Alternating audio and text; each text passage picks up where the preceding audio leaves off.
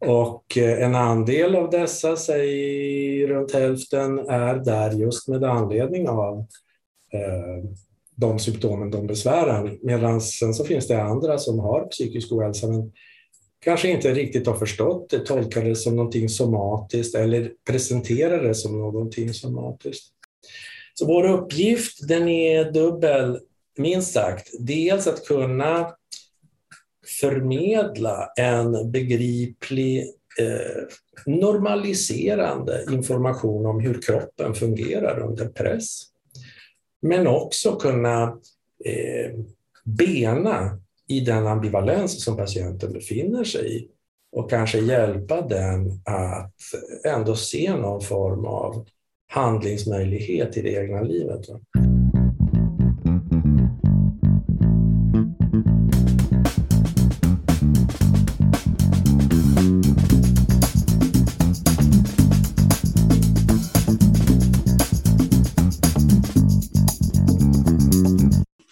Hej allihopa! Välkomna tillbaka till ytterligare ett avsnitt av Rehabsnack med mig Peter Lindberg som är fysioterapeut. Och idag så har jag den stora äran att gästas av eh, Giorgio Grossi som är beteendevetare, psykoterapeut, eh, forskare och docent i medicinsk psykologi och även författare. Välkommen hit Giorgio! Tack så hjärtligt, jättekul att få vara med. Ja, tack så hemskt mycket för att du kunde lägga din tid på en lördag som denna att vara med och podda lite och prata om stress. Det ska bli kul. Ja, det är alltid ett trevligt ämne att ta upp. Ja, precis. Och du har ju varit med i, andra poddar och pratat om, om stress. Så det är ju inget, och du har forskat om stress och du jobbar med stress. Och, eh. Ja, stressen genomsyrar mitt liv kan man ja, säga. Både yrkesmässigt och privat. Exakt. Och hur ligger, mm. ja, hur ligger dina stressnivåer just nu? Hur ja, mina stressnivåer just nu de uh, ligger väl på en ganska bra bemärkelse, eh, bra nivå i den bemärkelsen att jag är uppfylld av positiv stress här nu. Ja, för att vad härligt. Vara med i den här podden. Ja, ja det låter bra. Eh, och ja, jag gav dig en liten introduktion här, men Eh, Eh, skulle du vilja göra någon typ av kort sammanfattning av din ja, eh, professionella bakgrund, vad din forskning har handlat om och vad du gör idag kanske? Mm, absolut. Jag eh, har en bakgrund som forskare vid psykologiska institutionen vid Stockholms universitet och Karolinska institutet. Och jag skrev en doktorsavhandling för relativt länge sedan nu jag började någon gång i mitten på 1990-talet och det jag skrev om då det var om stress bland en grupp som förekom flitigt i hälsodiskussionerna på den tiden, nämligen de ofrivilligt arbetslösa. Vi hade en väldigt hög arbetslöshet i Sverige i början, mitten på 1990-talet genom att en rad omställningar, nedskärningar hade ägt rum, inte minst inom den offentliga sektorn. Så väldigt många miste sina jobb och for illa på grund av det. Och den sortens stress skrev jag min avhandling om. Sen när jag började bli klar, framåt slutet av 90-talet, så gick arbetslösheten ner. Och man pratade mindre och mindre om hur deprimerade och stressade och uppgivna de arbetslösa var. Och så började man istället prata mer och mer alarmerat om den nya mystiska sjukan utbrändheten som började sprida sig som en löpeld över landet. Och eh, vad som hände det var att framåt slutet av 90-talet så skedde som en markant ökning av sjukskrivningar på grund av stress. Vilket var en reaktion bland de som fått behålla sina jobb när arbetslösheten steg. De som fått behålla sina jobb, de jobbade på för tre, för fyra och var kanske också väldigt uppskrämda när de hade fått se kollegor eh, försvinna så blev de ju extra rädda om sina egna jobb och vågade inte sätta ner foten, säga ifrån och jobbade på. Och sen med några års fördröjning så gick de in i väggen. Så där eh, hände någonting ganska radikalt i, i svensk historia. Och eh, då fick jag möjlighet att vara med på ett nystartat projekt som fick heta Stressmottagningen. Och mm, det här var en eh, väldigt, ett litet projekt som initierades av en kollega, en, eh, vad kan vi kalla det för, en riktig nestor inom svensk stressforskning, Alexander Persky, som för övrigt fyller 75 år idag och lever som han lär, pensionär i Lucca i Toscana. Men han startade detta lilla projekt och jag fick haka på som forskare.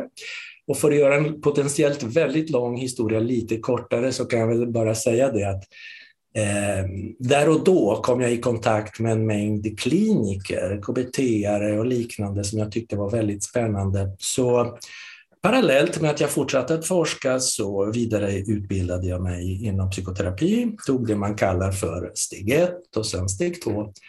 Och det jag gör idag, det är att jag främst jobbar som psykoterapeut på en eh, specialistmottagning i Stockholm och som heter, gissa vad, Stressmottagningen. Det är samma lilla mottagning, den har existerat i 22 år nu och eh, är inte längre ett projekt om man säger så. Eh, men som sagt, eh, jag har då haft förmånen att växa upp professionellt under den här eran då utmattningssyndromet etablerades som diagnos och så har fått se det på nära håll under ett par decennier här. Så det om mig i mm. korthet. Ja, vad jättebra bakgrund och hur du har kommit till där du är idag. Och eh, jag träffade dig första gången när jag läste till sjukgymnast på sjukgymnastprogrammet på KI mellan 2010 och 2013. Så jag, någonstans däremellan när vi kanske läste psykologikursen eller någonting så hade du en föreläsning om stress. Mm. Och eh, det var då som jag insåg att herregud, det är skillnad på föreläsare och föreläsare. För att jag tyckte att du gjorde ett så, him så himla bra intryck. Eh, och hur du kommunicerade med oss och, och, var så engagerad och intresserad av ämnet. Och det kom verkligen fram. Så det var, det var, det var något som jag faktiskt kom ihåg. Jag kommer inte ihåg så mycket annat kanske, gjorde jag. Men, eh, men, det, men det gjorde intryck på mig i alla fall. Ska du Tack, roligt att höra. Ja, föreläser du någonting fortfarande på fysioterapeutprogrammet? Uh, inte på fysioterapeutprogrammet, däremot så är jag med på en kurs där det är många fysios som är med och det är tillämpad mm. beteendemedicin i primärvård. Ja, ja. och det, där träffade jag, för den har jag också läst och då, det var då jag träffade dig andra gången och tyckte att det var lika fantastiskt. Och då hade du med dig Kerstin Geding och ni pratade om acceptance and commitment therapy. Var ja. just den föreläsningen. Och ni hade ett väldigt bra eh, sam, samspel, tycker jag. Mm. Väldigt bra samarbete. Och, ja, det var, det var också en fantastisk eh, föreläsning och som fick mig faktiskt eh, att eh, ja, men fortsätta och utbilda mig inom ACT och läsa mm. mer om det. Så det, så det har jag dig och, och Kerstin att tacka för. Ja, då får jag tacka för att du tackar för det. Det var väldigt roligt att få ta del av. Mm. Ja, nej men eh, jättekul att ha dig här.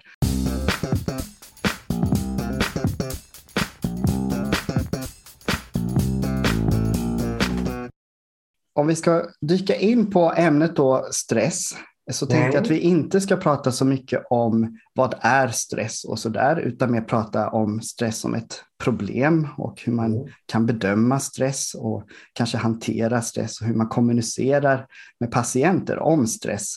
Jag tänkte att vi börjar med och kan prata om stress eh, som ett tvåeggat svärd. Eh, för när man pratar om stress så, så pratar man ju om olika typer av stressorer. Yeah att man kan ha mycket att göra. Det är ju det vanligaste kanske som man associerar med stress. Men sen finns det ju liksom att man kan ha en, en stress på grund av relationer eller ekonomisk stress eller social utsatthet eller ofrivillig ensamhet eller oro som sker i, i världen idag med krig och allt, pandemin och sådär. Eh, men sen finns det också en andra sida, det här med att man också kan ha då en brist på återhämtning. Mm. Och jag vet inte om det belyses lika mycket eller att man har koll på det lika mycket som, som eh, vårdgivare eller patient. Eh, vad, tänker du, vad tänker du om det här tvåeggade svärdet? Ja, jag tänker att eh, det är som du säger att det, stress kan ju framkallas av väldigt många olika intryck, stimuli och, och, livssituationer och det är inte dåligt. Det är inte någon sjukdomsprocess i sig. Det är inget sjukligt med stress. Vi skulle inte klara oss utan. Men det är just det här med återhämtningen, som, eller bristen på den snarare, som kan ställa till det. Och i min uppfattning så är det väl så att resonemang om stress och hur pass skadligt det kan bli om det inte eh, avbryts med jämna mellanrum med återhämtning, det, det är väl ganska accepterat i befolkningen skulle jag gissa. Däremot så kan vi väl eh, kanske enas om att begreppet återhämtning inte är lika väl utforskat. Tittar man på forskningslitteraturen kring det så är det ju en väsentligt mycket mindre mängd litteratur som har fokuserat på återhämtning än på stress. Även om de, man kan säga att de är lite eh, olika sidor av ett och samma mynt. Men återhämtning är ett väldigt eh, missförstått begrepp och eh, det är många som tänker att eh, det handlar bara om passivitet på något sätt. Va? Eh, drar man det till det yttersta så det är många som, som blir provocerade när man pratar om återhämtning och säger men vad menar du med den här arbetssituationen och familjesituationen som jag har? Menar du att jag ska springa iväg och sova middag fem gånger om dagen? Det går ju inte. Så det gäller ju verkligen att nyansera bilden och eh, för att komplicera ytterligare då så behöver vi dra in eh, temat eller konceptet trötthet också. Eh, för att stress leder ju till trötthet om man nu inte får återhämtning förstås. Och sen så är ju återhämtningen någonting som mer eller mindre definieras av typen av trötthet. Och det, det här är ett budskap som vi behöver nå ut med i större utsträckning. Va? Få eh, oss själva, våra patienter och andra människor i vår omgivning att förstå att det finns ju ingen särskild aktivitet som alltid är återhämtning, utan återhämtning beror ju på typen av trötthet. Och vad är då trötthet? För, tro det eller ej, men det kanske är ett ännu mer svårdefinierat begrepp än vad återhämtning är. När vi pratar trötthet så brukar de flesta greppa det, kunna relatera till konceptet. Men tittar man igen då på forskningslitteraturen så är det inte eh, så där genomtydligt. Det finns ingen jätteväl etablerad eh, definition som jag förstått det. Utan det finns ju olika typer av trötthet.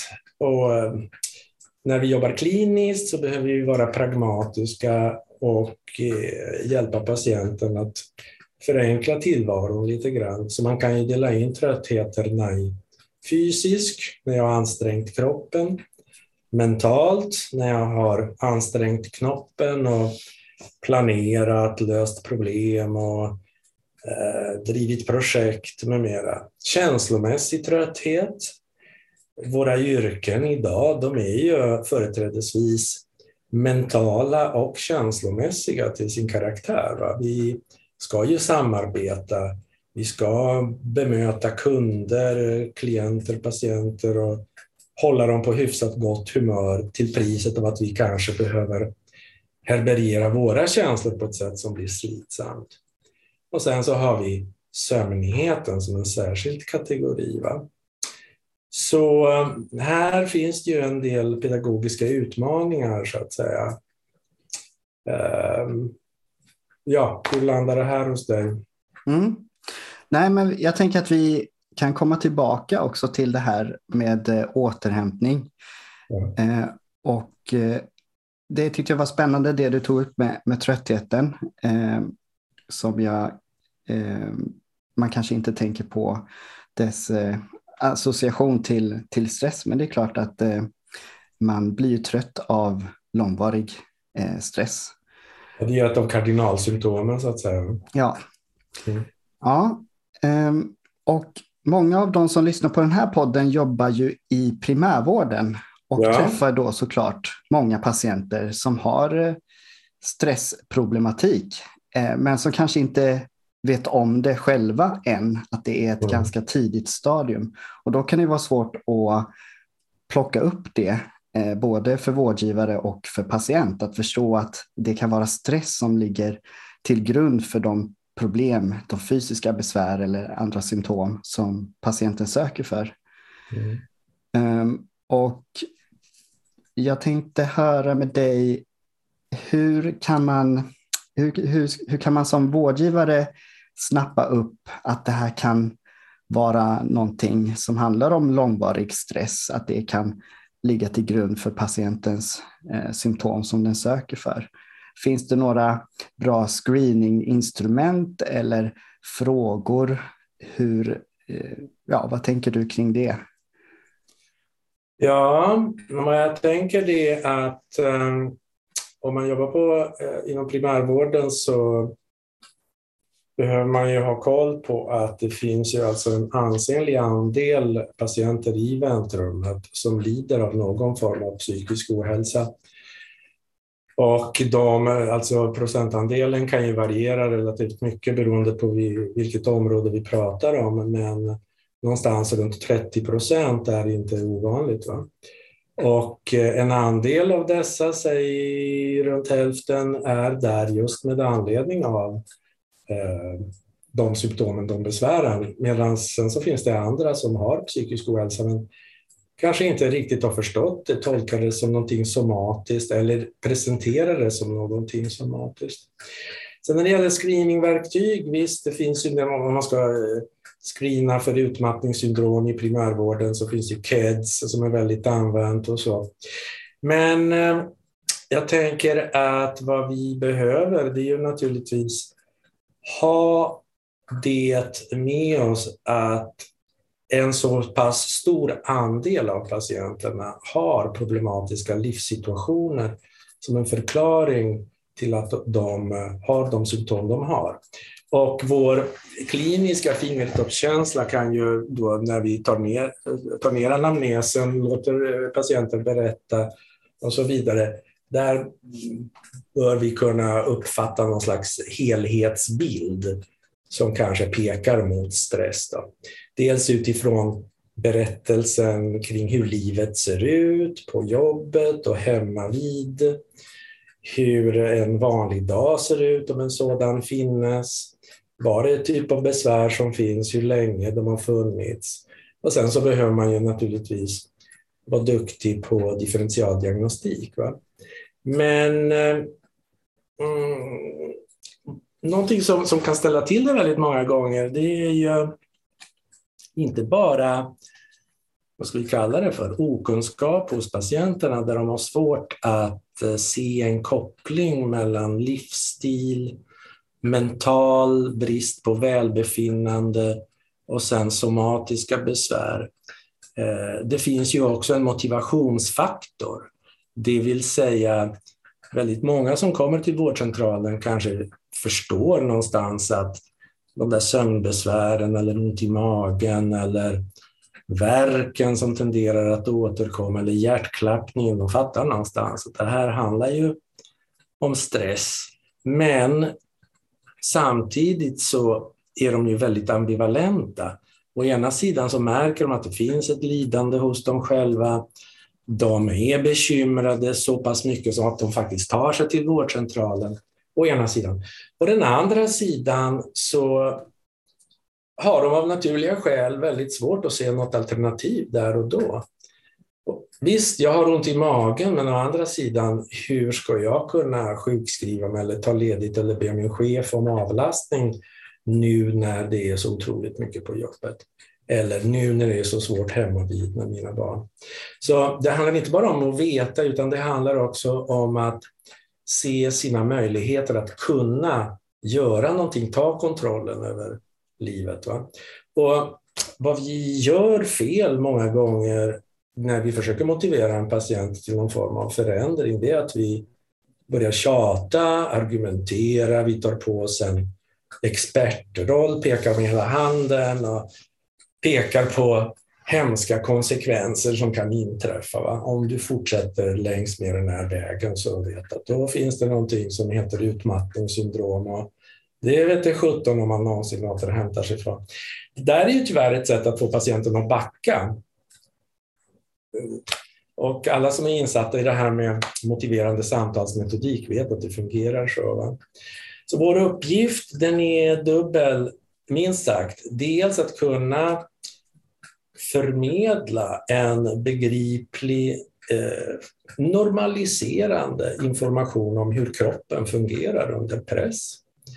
Men också kunna eh, bena i den ambivalens som patienten befinner sig i och kanske hjälpa den att ändå se någon form av handlingsmöjlighet i det egna livet.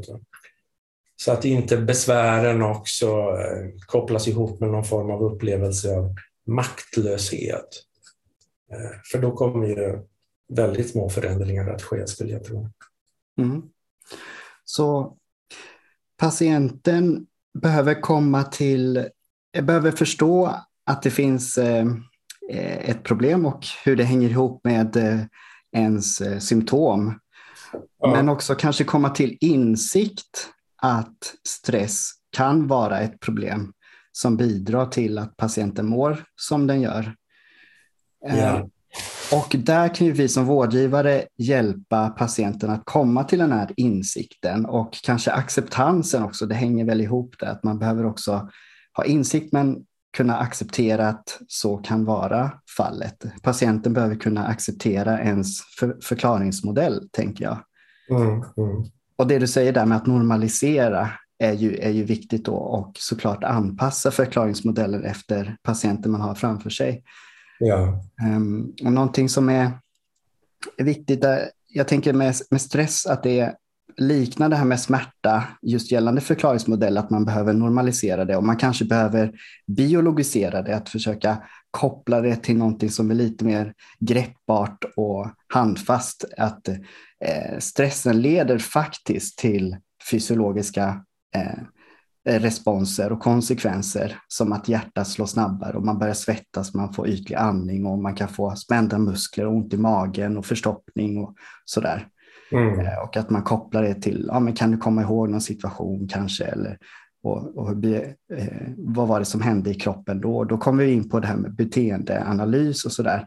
Ja. Eh, och eh, allting, eh, det finns ju många olika verktyg tänker jag där för att hjälpa patienten att komma till insikt och förstå problematiken och hur allt hänger ihop och hur olika onda cirklar kan skapas av stress och eh, beteendemönster.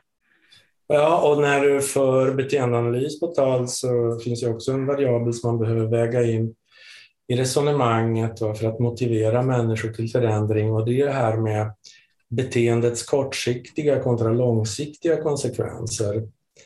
Och det är klart att vi alla har ju ett behov av att bli sedda, bekräftade. Vi behöver få känna oss som kompetenta varelser. Eh, och det där tillsammans med att se att man lyckas få livspusslet att gå ihop hjälpligt tillsammans med upplevelsen om att man får familjen att må bra på, på ett rimligt sätt. Det är ju kortsiktiga, inom citat, belöningar, förstärkare som gör då att vi kanske driver på oss själva, pressar oss orimligt hårt bara för att få ihop det här och nu. Och det där med lång sikt och det som eventuellt kan hända sen, det är, även om det kan vara väldigt skrämmande så är det ju ändå eventuellt sen. Och det där, det är ju någonting, en polett som är hyfsat svår att få landa. Va? Eh, och igen, där behöver man gå och fiska i ambivalensen som finns. Just det. Och då, det finns ju olika verktyg. Eh, inom motiverande samtal så finns ju det här ambivalenskorset till exempel för att utforska ambivalensen ja. och kontrastera eh, negativa konsekvenser av, av beteenden, men också ja, vinningar såklart på, på kort sikt. Um, och negativa konsekvenser på lång sikt. Och inom ja, KBT så har man beteendeanalys och finns ju olika eh, benämningar på det, ABC eller SORK eller ja, ja, lite olika. Sådär. Men är det, är det verktyg som du kan använda med patienter för att belysa, för att de ska förstå problemet och, hur det, och, och även de här långsiktiga negativa konsekvenserna? För det är de som är, de är viktiga att belysa för patienten. Att det här beteendet leder till, till onda cirklar och kan leda till långvariga negativa konsekvenser. Just det här med att de, det finns ju alltid kortsiktiga vinningar, annars skulle man ja. inte fortsätta med ens beteende. Precis. Funkar det så funkar det. liksom. Ja. Men, men på lång sikt så kan det ha negativa konsekvenser. Ja. Um, men hur belyser du det för patienterna? Använder du något verktyg? Skriver du ner någonting eller visar du någonting? Eller? Ja, absolut. Eh, att visa på olika sätt, det är hjälpsamt. Och som vi tänker oss att stress Eh, leder ju till att vår förmåga att snappa upp information försämras eh, det beror på hur man ser, hur man definierar information och så, men för enkelhetens skull, de patienter jag träffar som har ett utmattningssyndrom, där är det ju kardinalsymptom att man har väldigt svårt med minne, koncentration, ta in prat, ta in skriven text.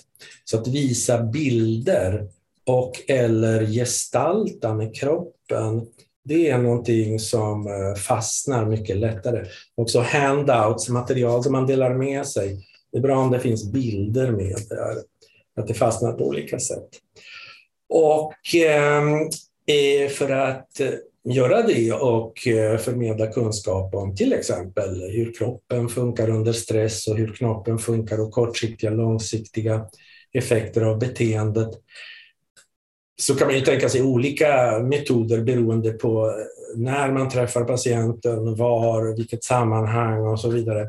Men någonting som jag är väldigt mån om, det är ju att ge saklig psykoedukation om vad det är som händer i kroppen under stress på kort och lång sikt.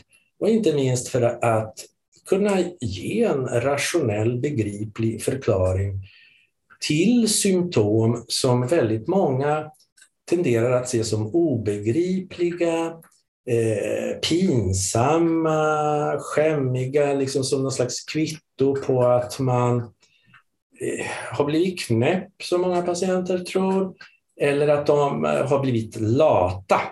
Det är väldigt mycket moraliserande kring de här stresssymptomen. Ungefär som om det fanns ett likhetstecken mellan att vara utmattad och att vara moraliskt bristfällig på något sätt. Så att eh, visa bilder på autonoma nervsystemet, eh, enkla sådana till exempel på ett papper med de olika organen som ingår och kunna förklara. Dels rationalen, alltså att de här reaktionerna vi har, de är ju inte knutna till dig som individ. De är inte knutna till oss i egenskap av moderna människor, utan de är knutna till oss som art sedan urminnes tider och till andra, alla andra arter och har en mening. De har hjälpt oss överleva och kunna ge en mängd exempel på det. Eh, de känslor som uppstår under stress, ångest, eh, rädsla, skuld, skam, irritation. Varför har vi dem och har alltid haft? Vad fyller de för funktion?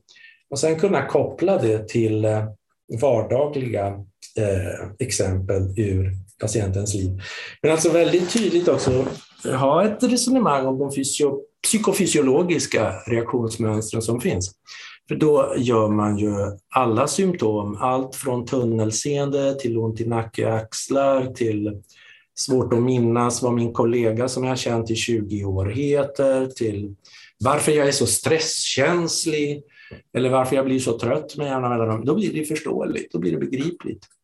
När de får se att vi är ju en biologisk maskin och det är kroppen som uttrycker sina behov när vi lider av stresssymptom. Då blir det förståeligt på något sätt. Eh, och då blir det logiskt och då kanske man kan tvätta bort lite av skuld och skamstämpeln. Och så har man också bildat allians. Så det ser jag som hjälpsamt. Att kunna verkligen psykodikera på ett tydligt sätt om hur, det, hur skeendena ser ut i kroppen. Just det. Och då kommer vi tillbaka till det som du sa tidigare, det här med att normalisera de, yeah. att det, det, det, är normalt att eh, det, som, det som sker i kroppen och att man reagerar på ett visst sätt är normalt. Eh, och att det Normalisera, kan... förlåt att jag hoppar in. Ja, nej, men jag jättegärna. Det är en jätteviktig dimension, tänker jag. För att annars, personer som har lätt att gå in i skam och skuld, då tror de att de är unika i att vara defekta, så att säga. Och så drar man sig undan och, och pratar inte om, eh, om hur det är va? och kanske upprätthåller en fasad. Då får man veta att det här är fullkomligt normalt i en människas existens, att hamna i perioder där den här typen av uppvarvning med påföljande slitage kan äga rum. Det tar bort lite stigma och kanske avdramatisera lite grann. Jag tycker att det där med att bjussa på sig själv, det kan vara hjälpsamt. Uh, inom givna gränser naturligtvis, men jag menar för eh, patienter, får, får de att förstå att eh, även eh, din terapeut, din läkare, alltså vi sitter alla i samma båt.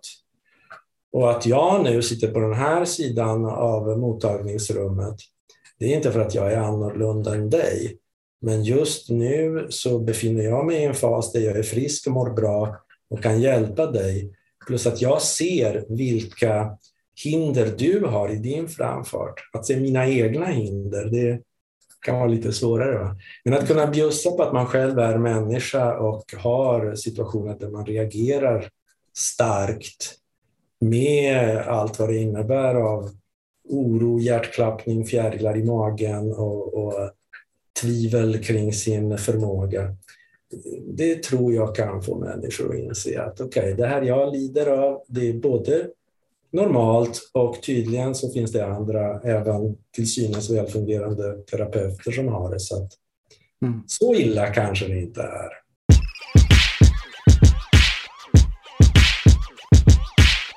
Eh, och apropå det med moralisering och stigmatisering, eh, för det finns ju en, en viss stigmatisering kring stress och stressproblematik. Och det, kanske, det tänker jag kan vara ett litet hinder att man som patient kan förstå att det kan vara ett problem för en själv. Kan det vara så att man tänker att ja, jag vet att stress är ett problem i samhället, men, men för mig är det någonting annat. Det, det här är någonting annat. Eh, kan det vara en förekommande tanke hos patienter att eh, det med stress, eh, det drabbar inte mig?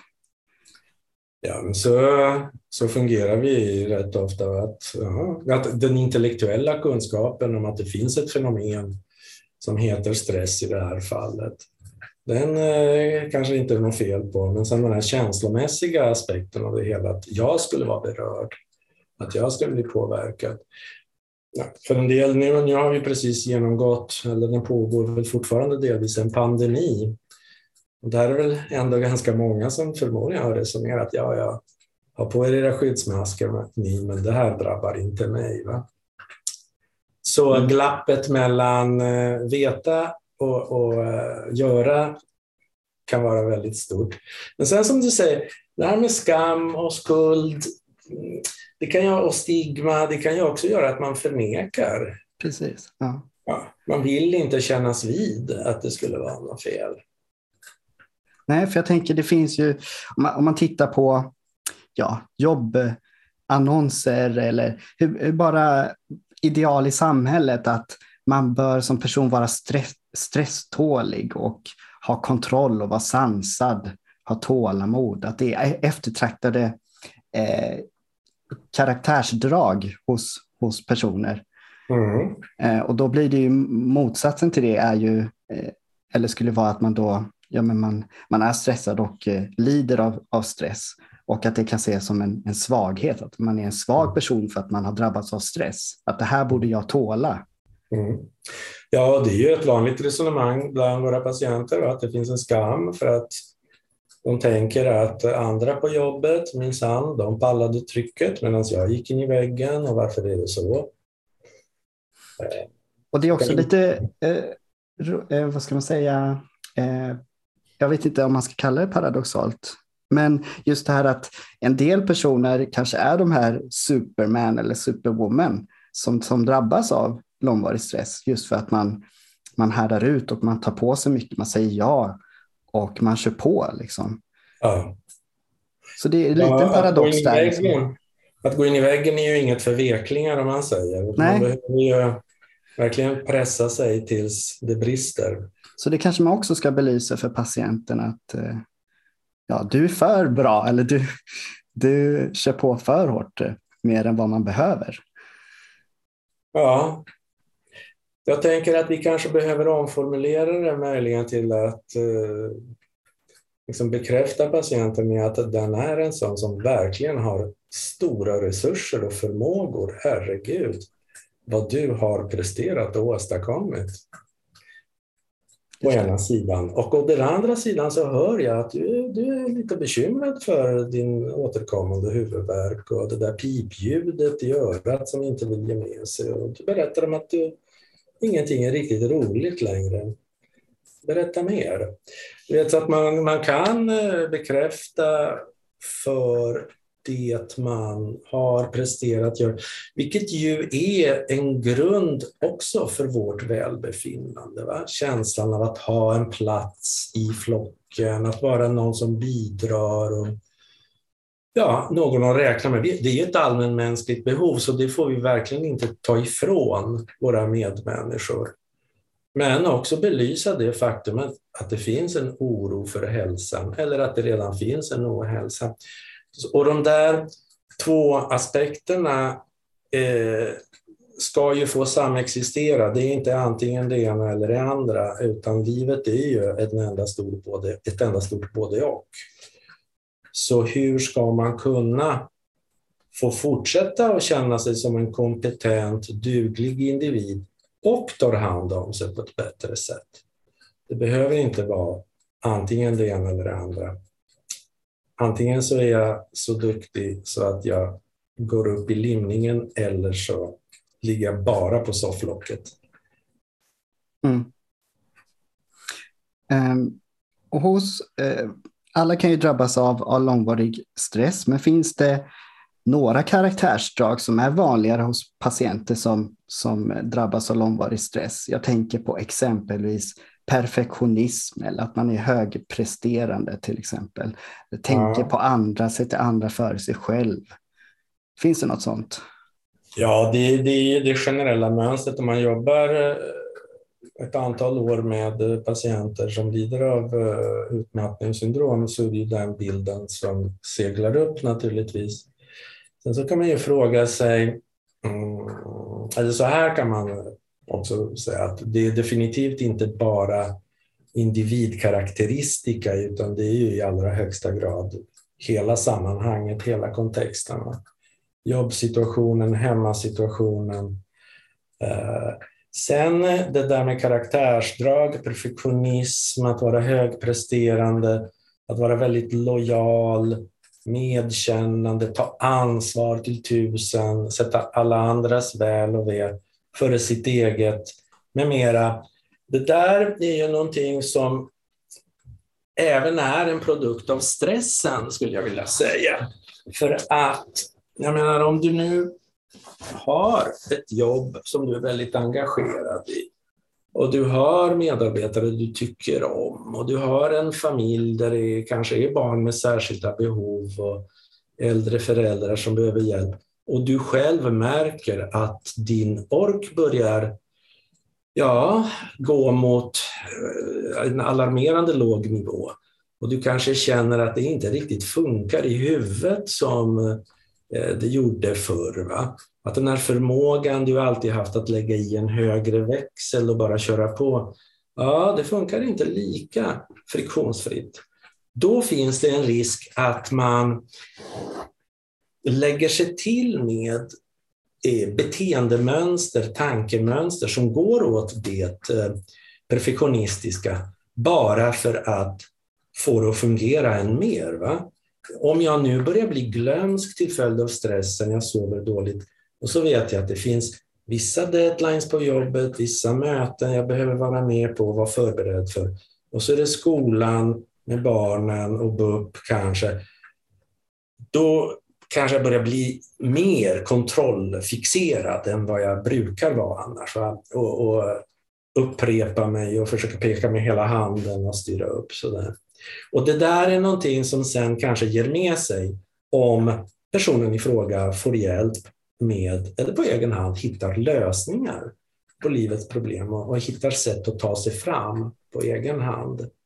Sen så finns det förmodligen en grupp, eller säkerligen, som från början kanske har mer av en del av de här dragen än andra. Jag tänker, en erfarenhet det är ju att väldigt många av våra patienter som blir rejält utmattade och kanske blir det om och om igen, förutom att de har en del praktiska eller opraktiska omständigheter i sina liv i stunden, så finns det också i regel en historia bakåt i tiden där man redan som barn kan ha lärt in mönster av tankar, känslor, beteenden som var väldigt funktionella där och då. Man tänker sig att man växer upp i en missbrukarfamilj och som barn lär sig att eh, tona ner sig själv, blir det här osynliga barnet utan behov, utan som har tentaklerna, antennerna ute jämt för att pejla in stämningar och förekomma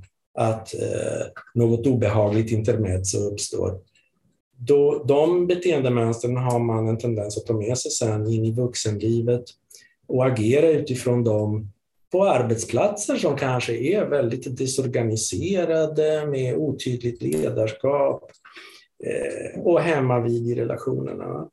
Och då blir det ju förstås på det sättet att eh, personlighet eller beteendemönster och miljön interagerar på ett sätt som blir destruktivt. Och när det gäller sen återfallsrisken i, en, eh, utmattnings, i ett utmattningssyndrom till exempel, så tror jag, och det finns lite forskning på området också, att sådana här karaktärsdrag som drar åt det perfektionistiska, och, och det kräver ju en liten förklaring vad det är för något. För perfektionism är ju alltså inte en diagnos, utan det är ett beteendemönster eller personlighetsdrag som kan finnas i varierande grad hos alla människor. Men vad det går ut på, det är ju, om vi nu pratar om den eh, typen av eh, perfektionism som man brukar kalla för negativ eller maladaptiv. Det är inte en upptagenhet av att göra bra saker för att man är lustdriven och tycker att det är så kul, utan det handlar om att man är väldigt, väldigt bekymrad över vad folk ska tycka och tänka om en. Och därför vill man prestera perfekt för att avvärja kritik snarare. Va? Så om man har det här som man kallar för perfectionistic concerns, hela tiden orolig. Va? höll jag måttet? Vad tycker Peter nu? Va? pratar jag för mycket nu igen? Eller hur är det med det? Och också att man hela tiden strävar efter perfektion.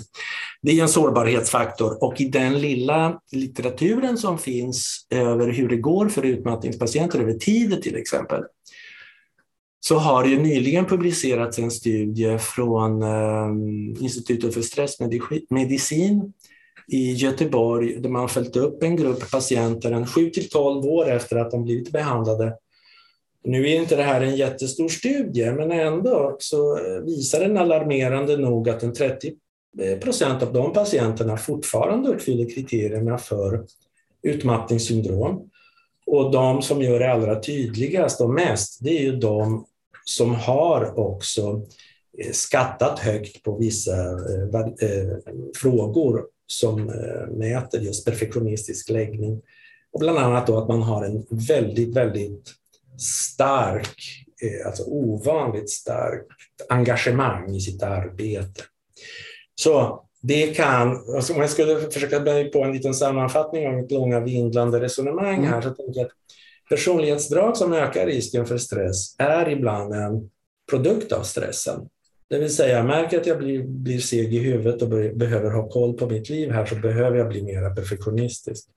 Och samtidigt är jag en perfektionist så kanske det finns en risk att jag drabbas av utmattning och kanske, om det vill sig illa, att jag också återfaller flera gånger eller är kvar i den över tid.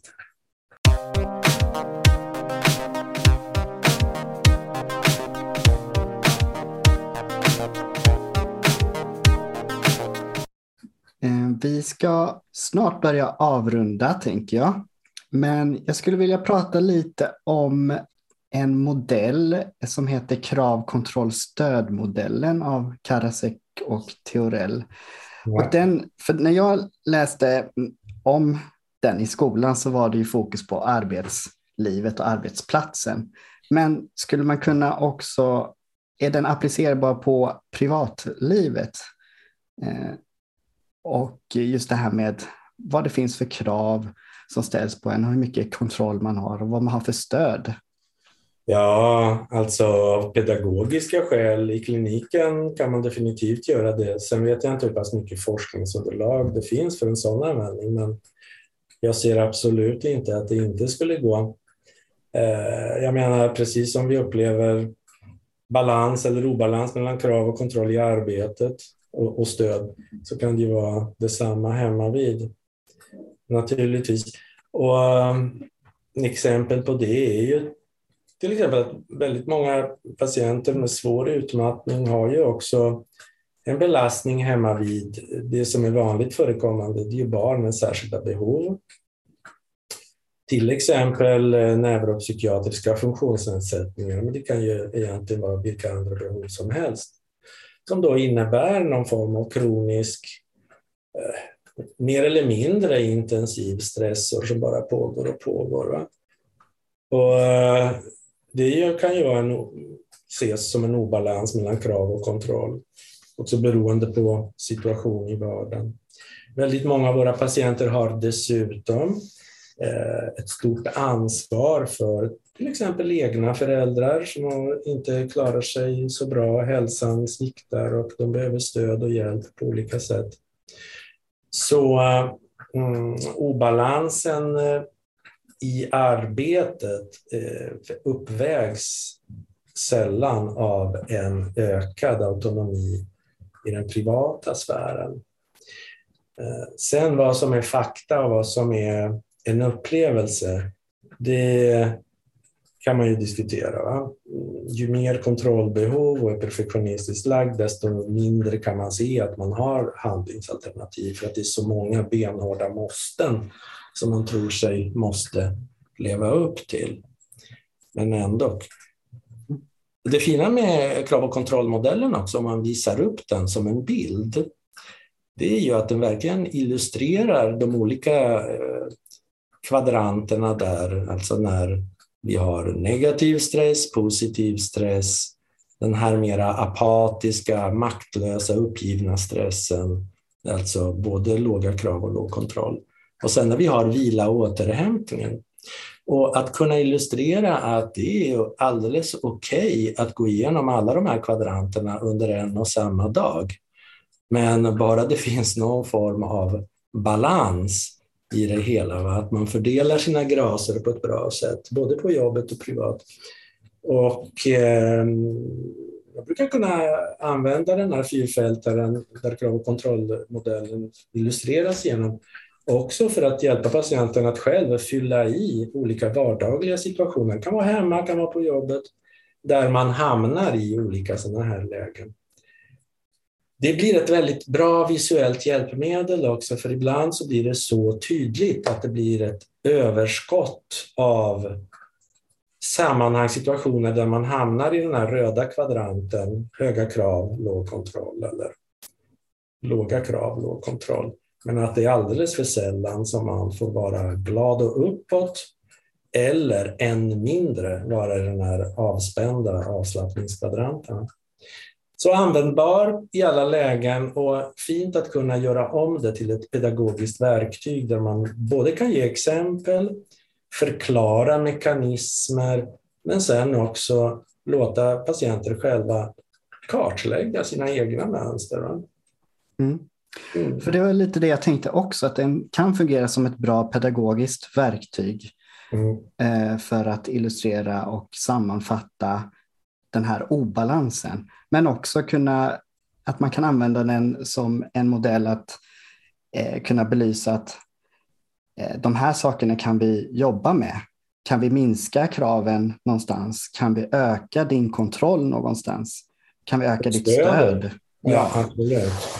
Och det här tänker jag, den är inte minst relevant, alltså man kan ju använda den på väldigt många olika sätt i olika faser av behandling. Och ett eh, tillämpningsområde det är ju också när patienterna sen så småningom ska börja jobba igen. Eh, och igen, då, jag, jag jobbar ju på specialistnivå eh, och vi har rehabiliteringar som sträcker sig över en fem månader med sex månaders uppföljningsmöjlighet sen. Men arbetsåtergången sker ju under pågående rehab och då behöver man också ha en planering tillsammans med chef, HR eller vilka det är för att skapa en möjlighet till eh, en hållbar arbetsåtergång. Och då kan det vara väldigt klokt att använda sig av krav och kontrollmodellen också i diskussioner med chefen till exempel. Hur göra för att skapa en rimlig balans mellan de här olika rutorna så att det håller över tid. Mm. Ja. Mm. Tack för det. Ja, um, vi ska, jag tänker att vi kan, om vi ska gå full circle här, från början pratade vi, kom vi in lite på återhämtning. Nu har vi pratat ja. om, om stress och stress som problematik och hur det kan uppstå och, och så här. Och så kom vi in lite på återhämtning. Och jag tänker att vi ska avsluta med det bara. Um, återhämtning, att det kanske glöms bort och att du, du sa att det, det är ju inte bara att lägga sig och, och vila, utan det, återhämtning är ju, kan vara så mycket mer och det skiljer sig från person till person. Mm. Eh, vad återhämtning är för någonting. Alltså jag skulle vilja säga att vi, vi har ju olika preferenser naturligtvis. Somliga uppskattar att hoppa bungee jump eller hoppa fallskärm och tycker att det är upplivande på något sätt. Va? Vem vet, för dem så kanske det är någon form av aktiv återhämtning. Men alltså generellt är det ju så att oavsett personlig preferens, så är det så att har man jobbat med huvudet, tänkt, planerat, löst problem, projektlett, då behöver huvudet få vila. Och det går ofta via någon form av fysisk aktivering. Va? Antingen ett regelrätt träningspass, men Eh, definitivt alla korta, eh, kortare och längre bensträckare, mikropauser, eh, pausgympa, gå och ställa sig och stirra ut genom fönstret, förutsatt att man också har redskap för att eh, fokusera på kroppen just och på det man gör snarare än att fortsätta älta vidare i knoppen. Va?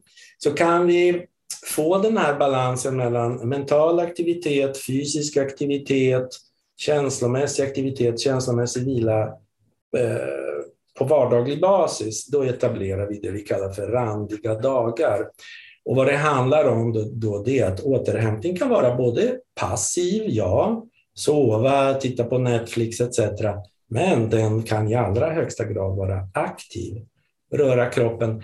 Men eh, för att nyansera bilden så får vi väl också säga att eh, återhämtning av det aktiva slaget det, och passiva för den delen, vad det handlar om det är någon form av mental ergonomi där vi alltså får variation.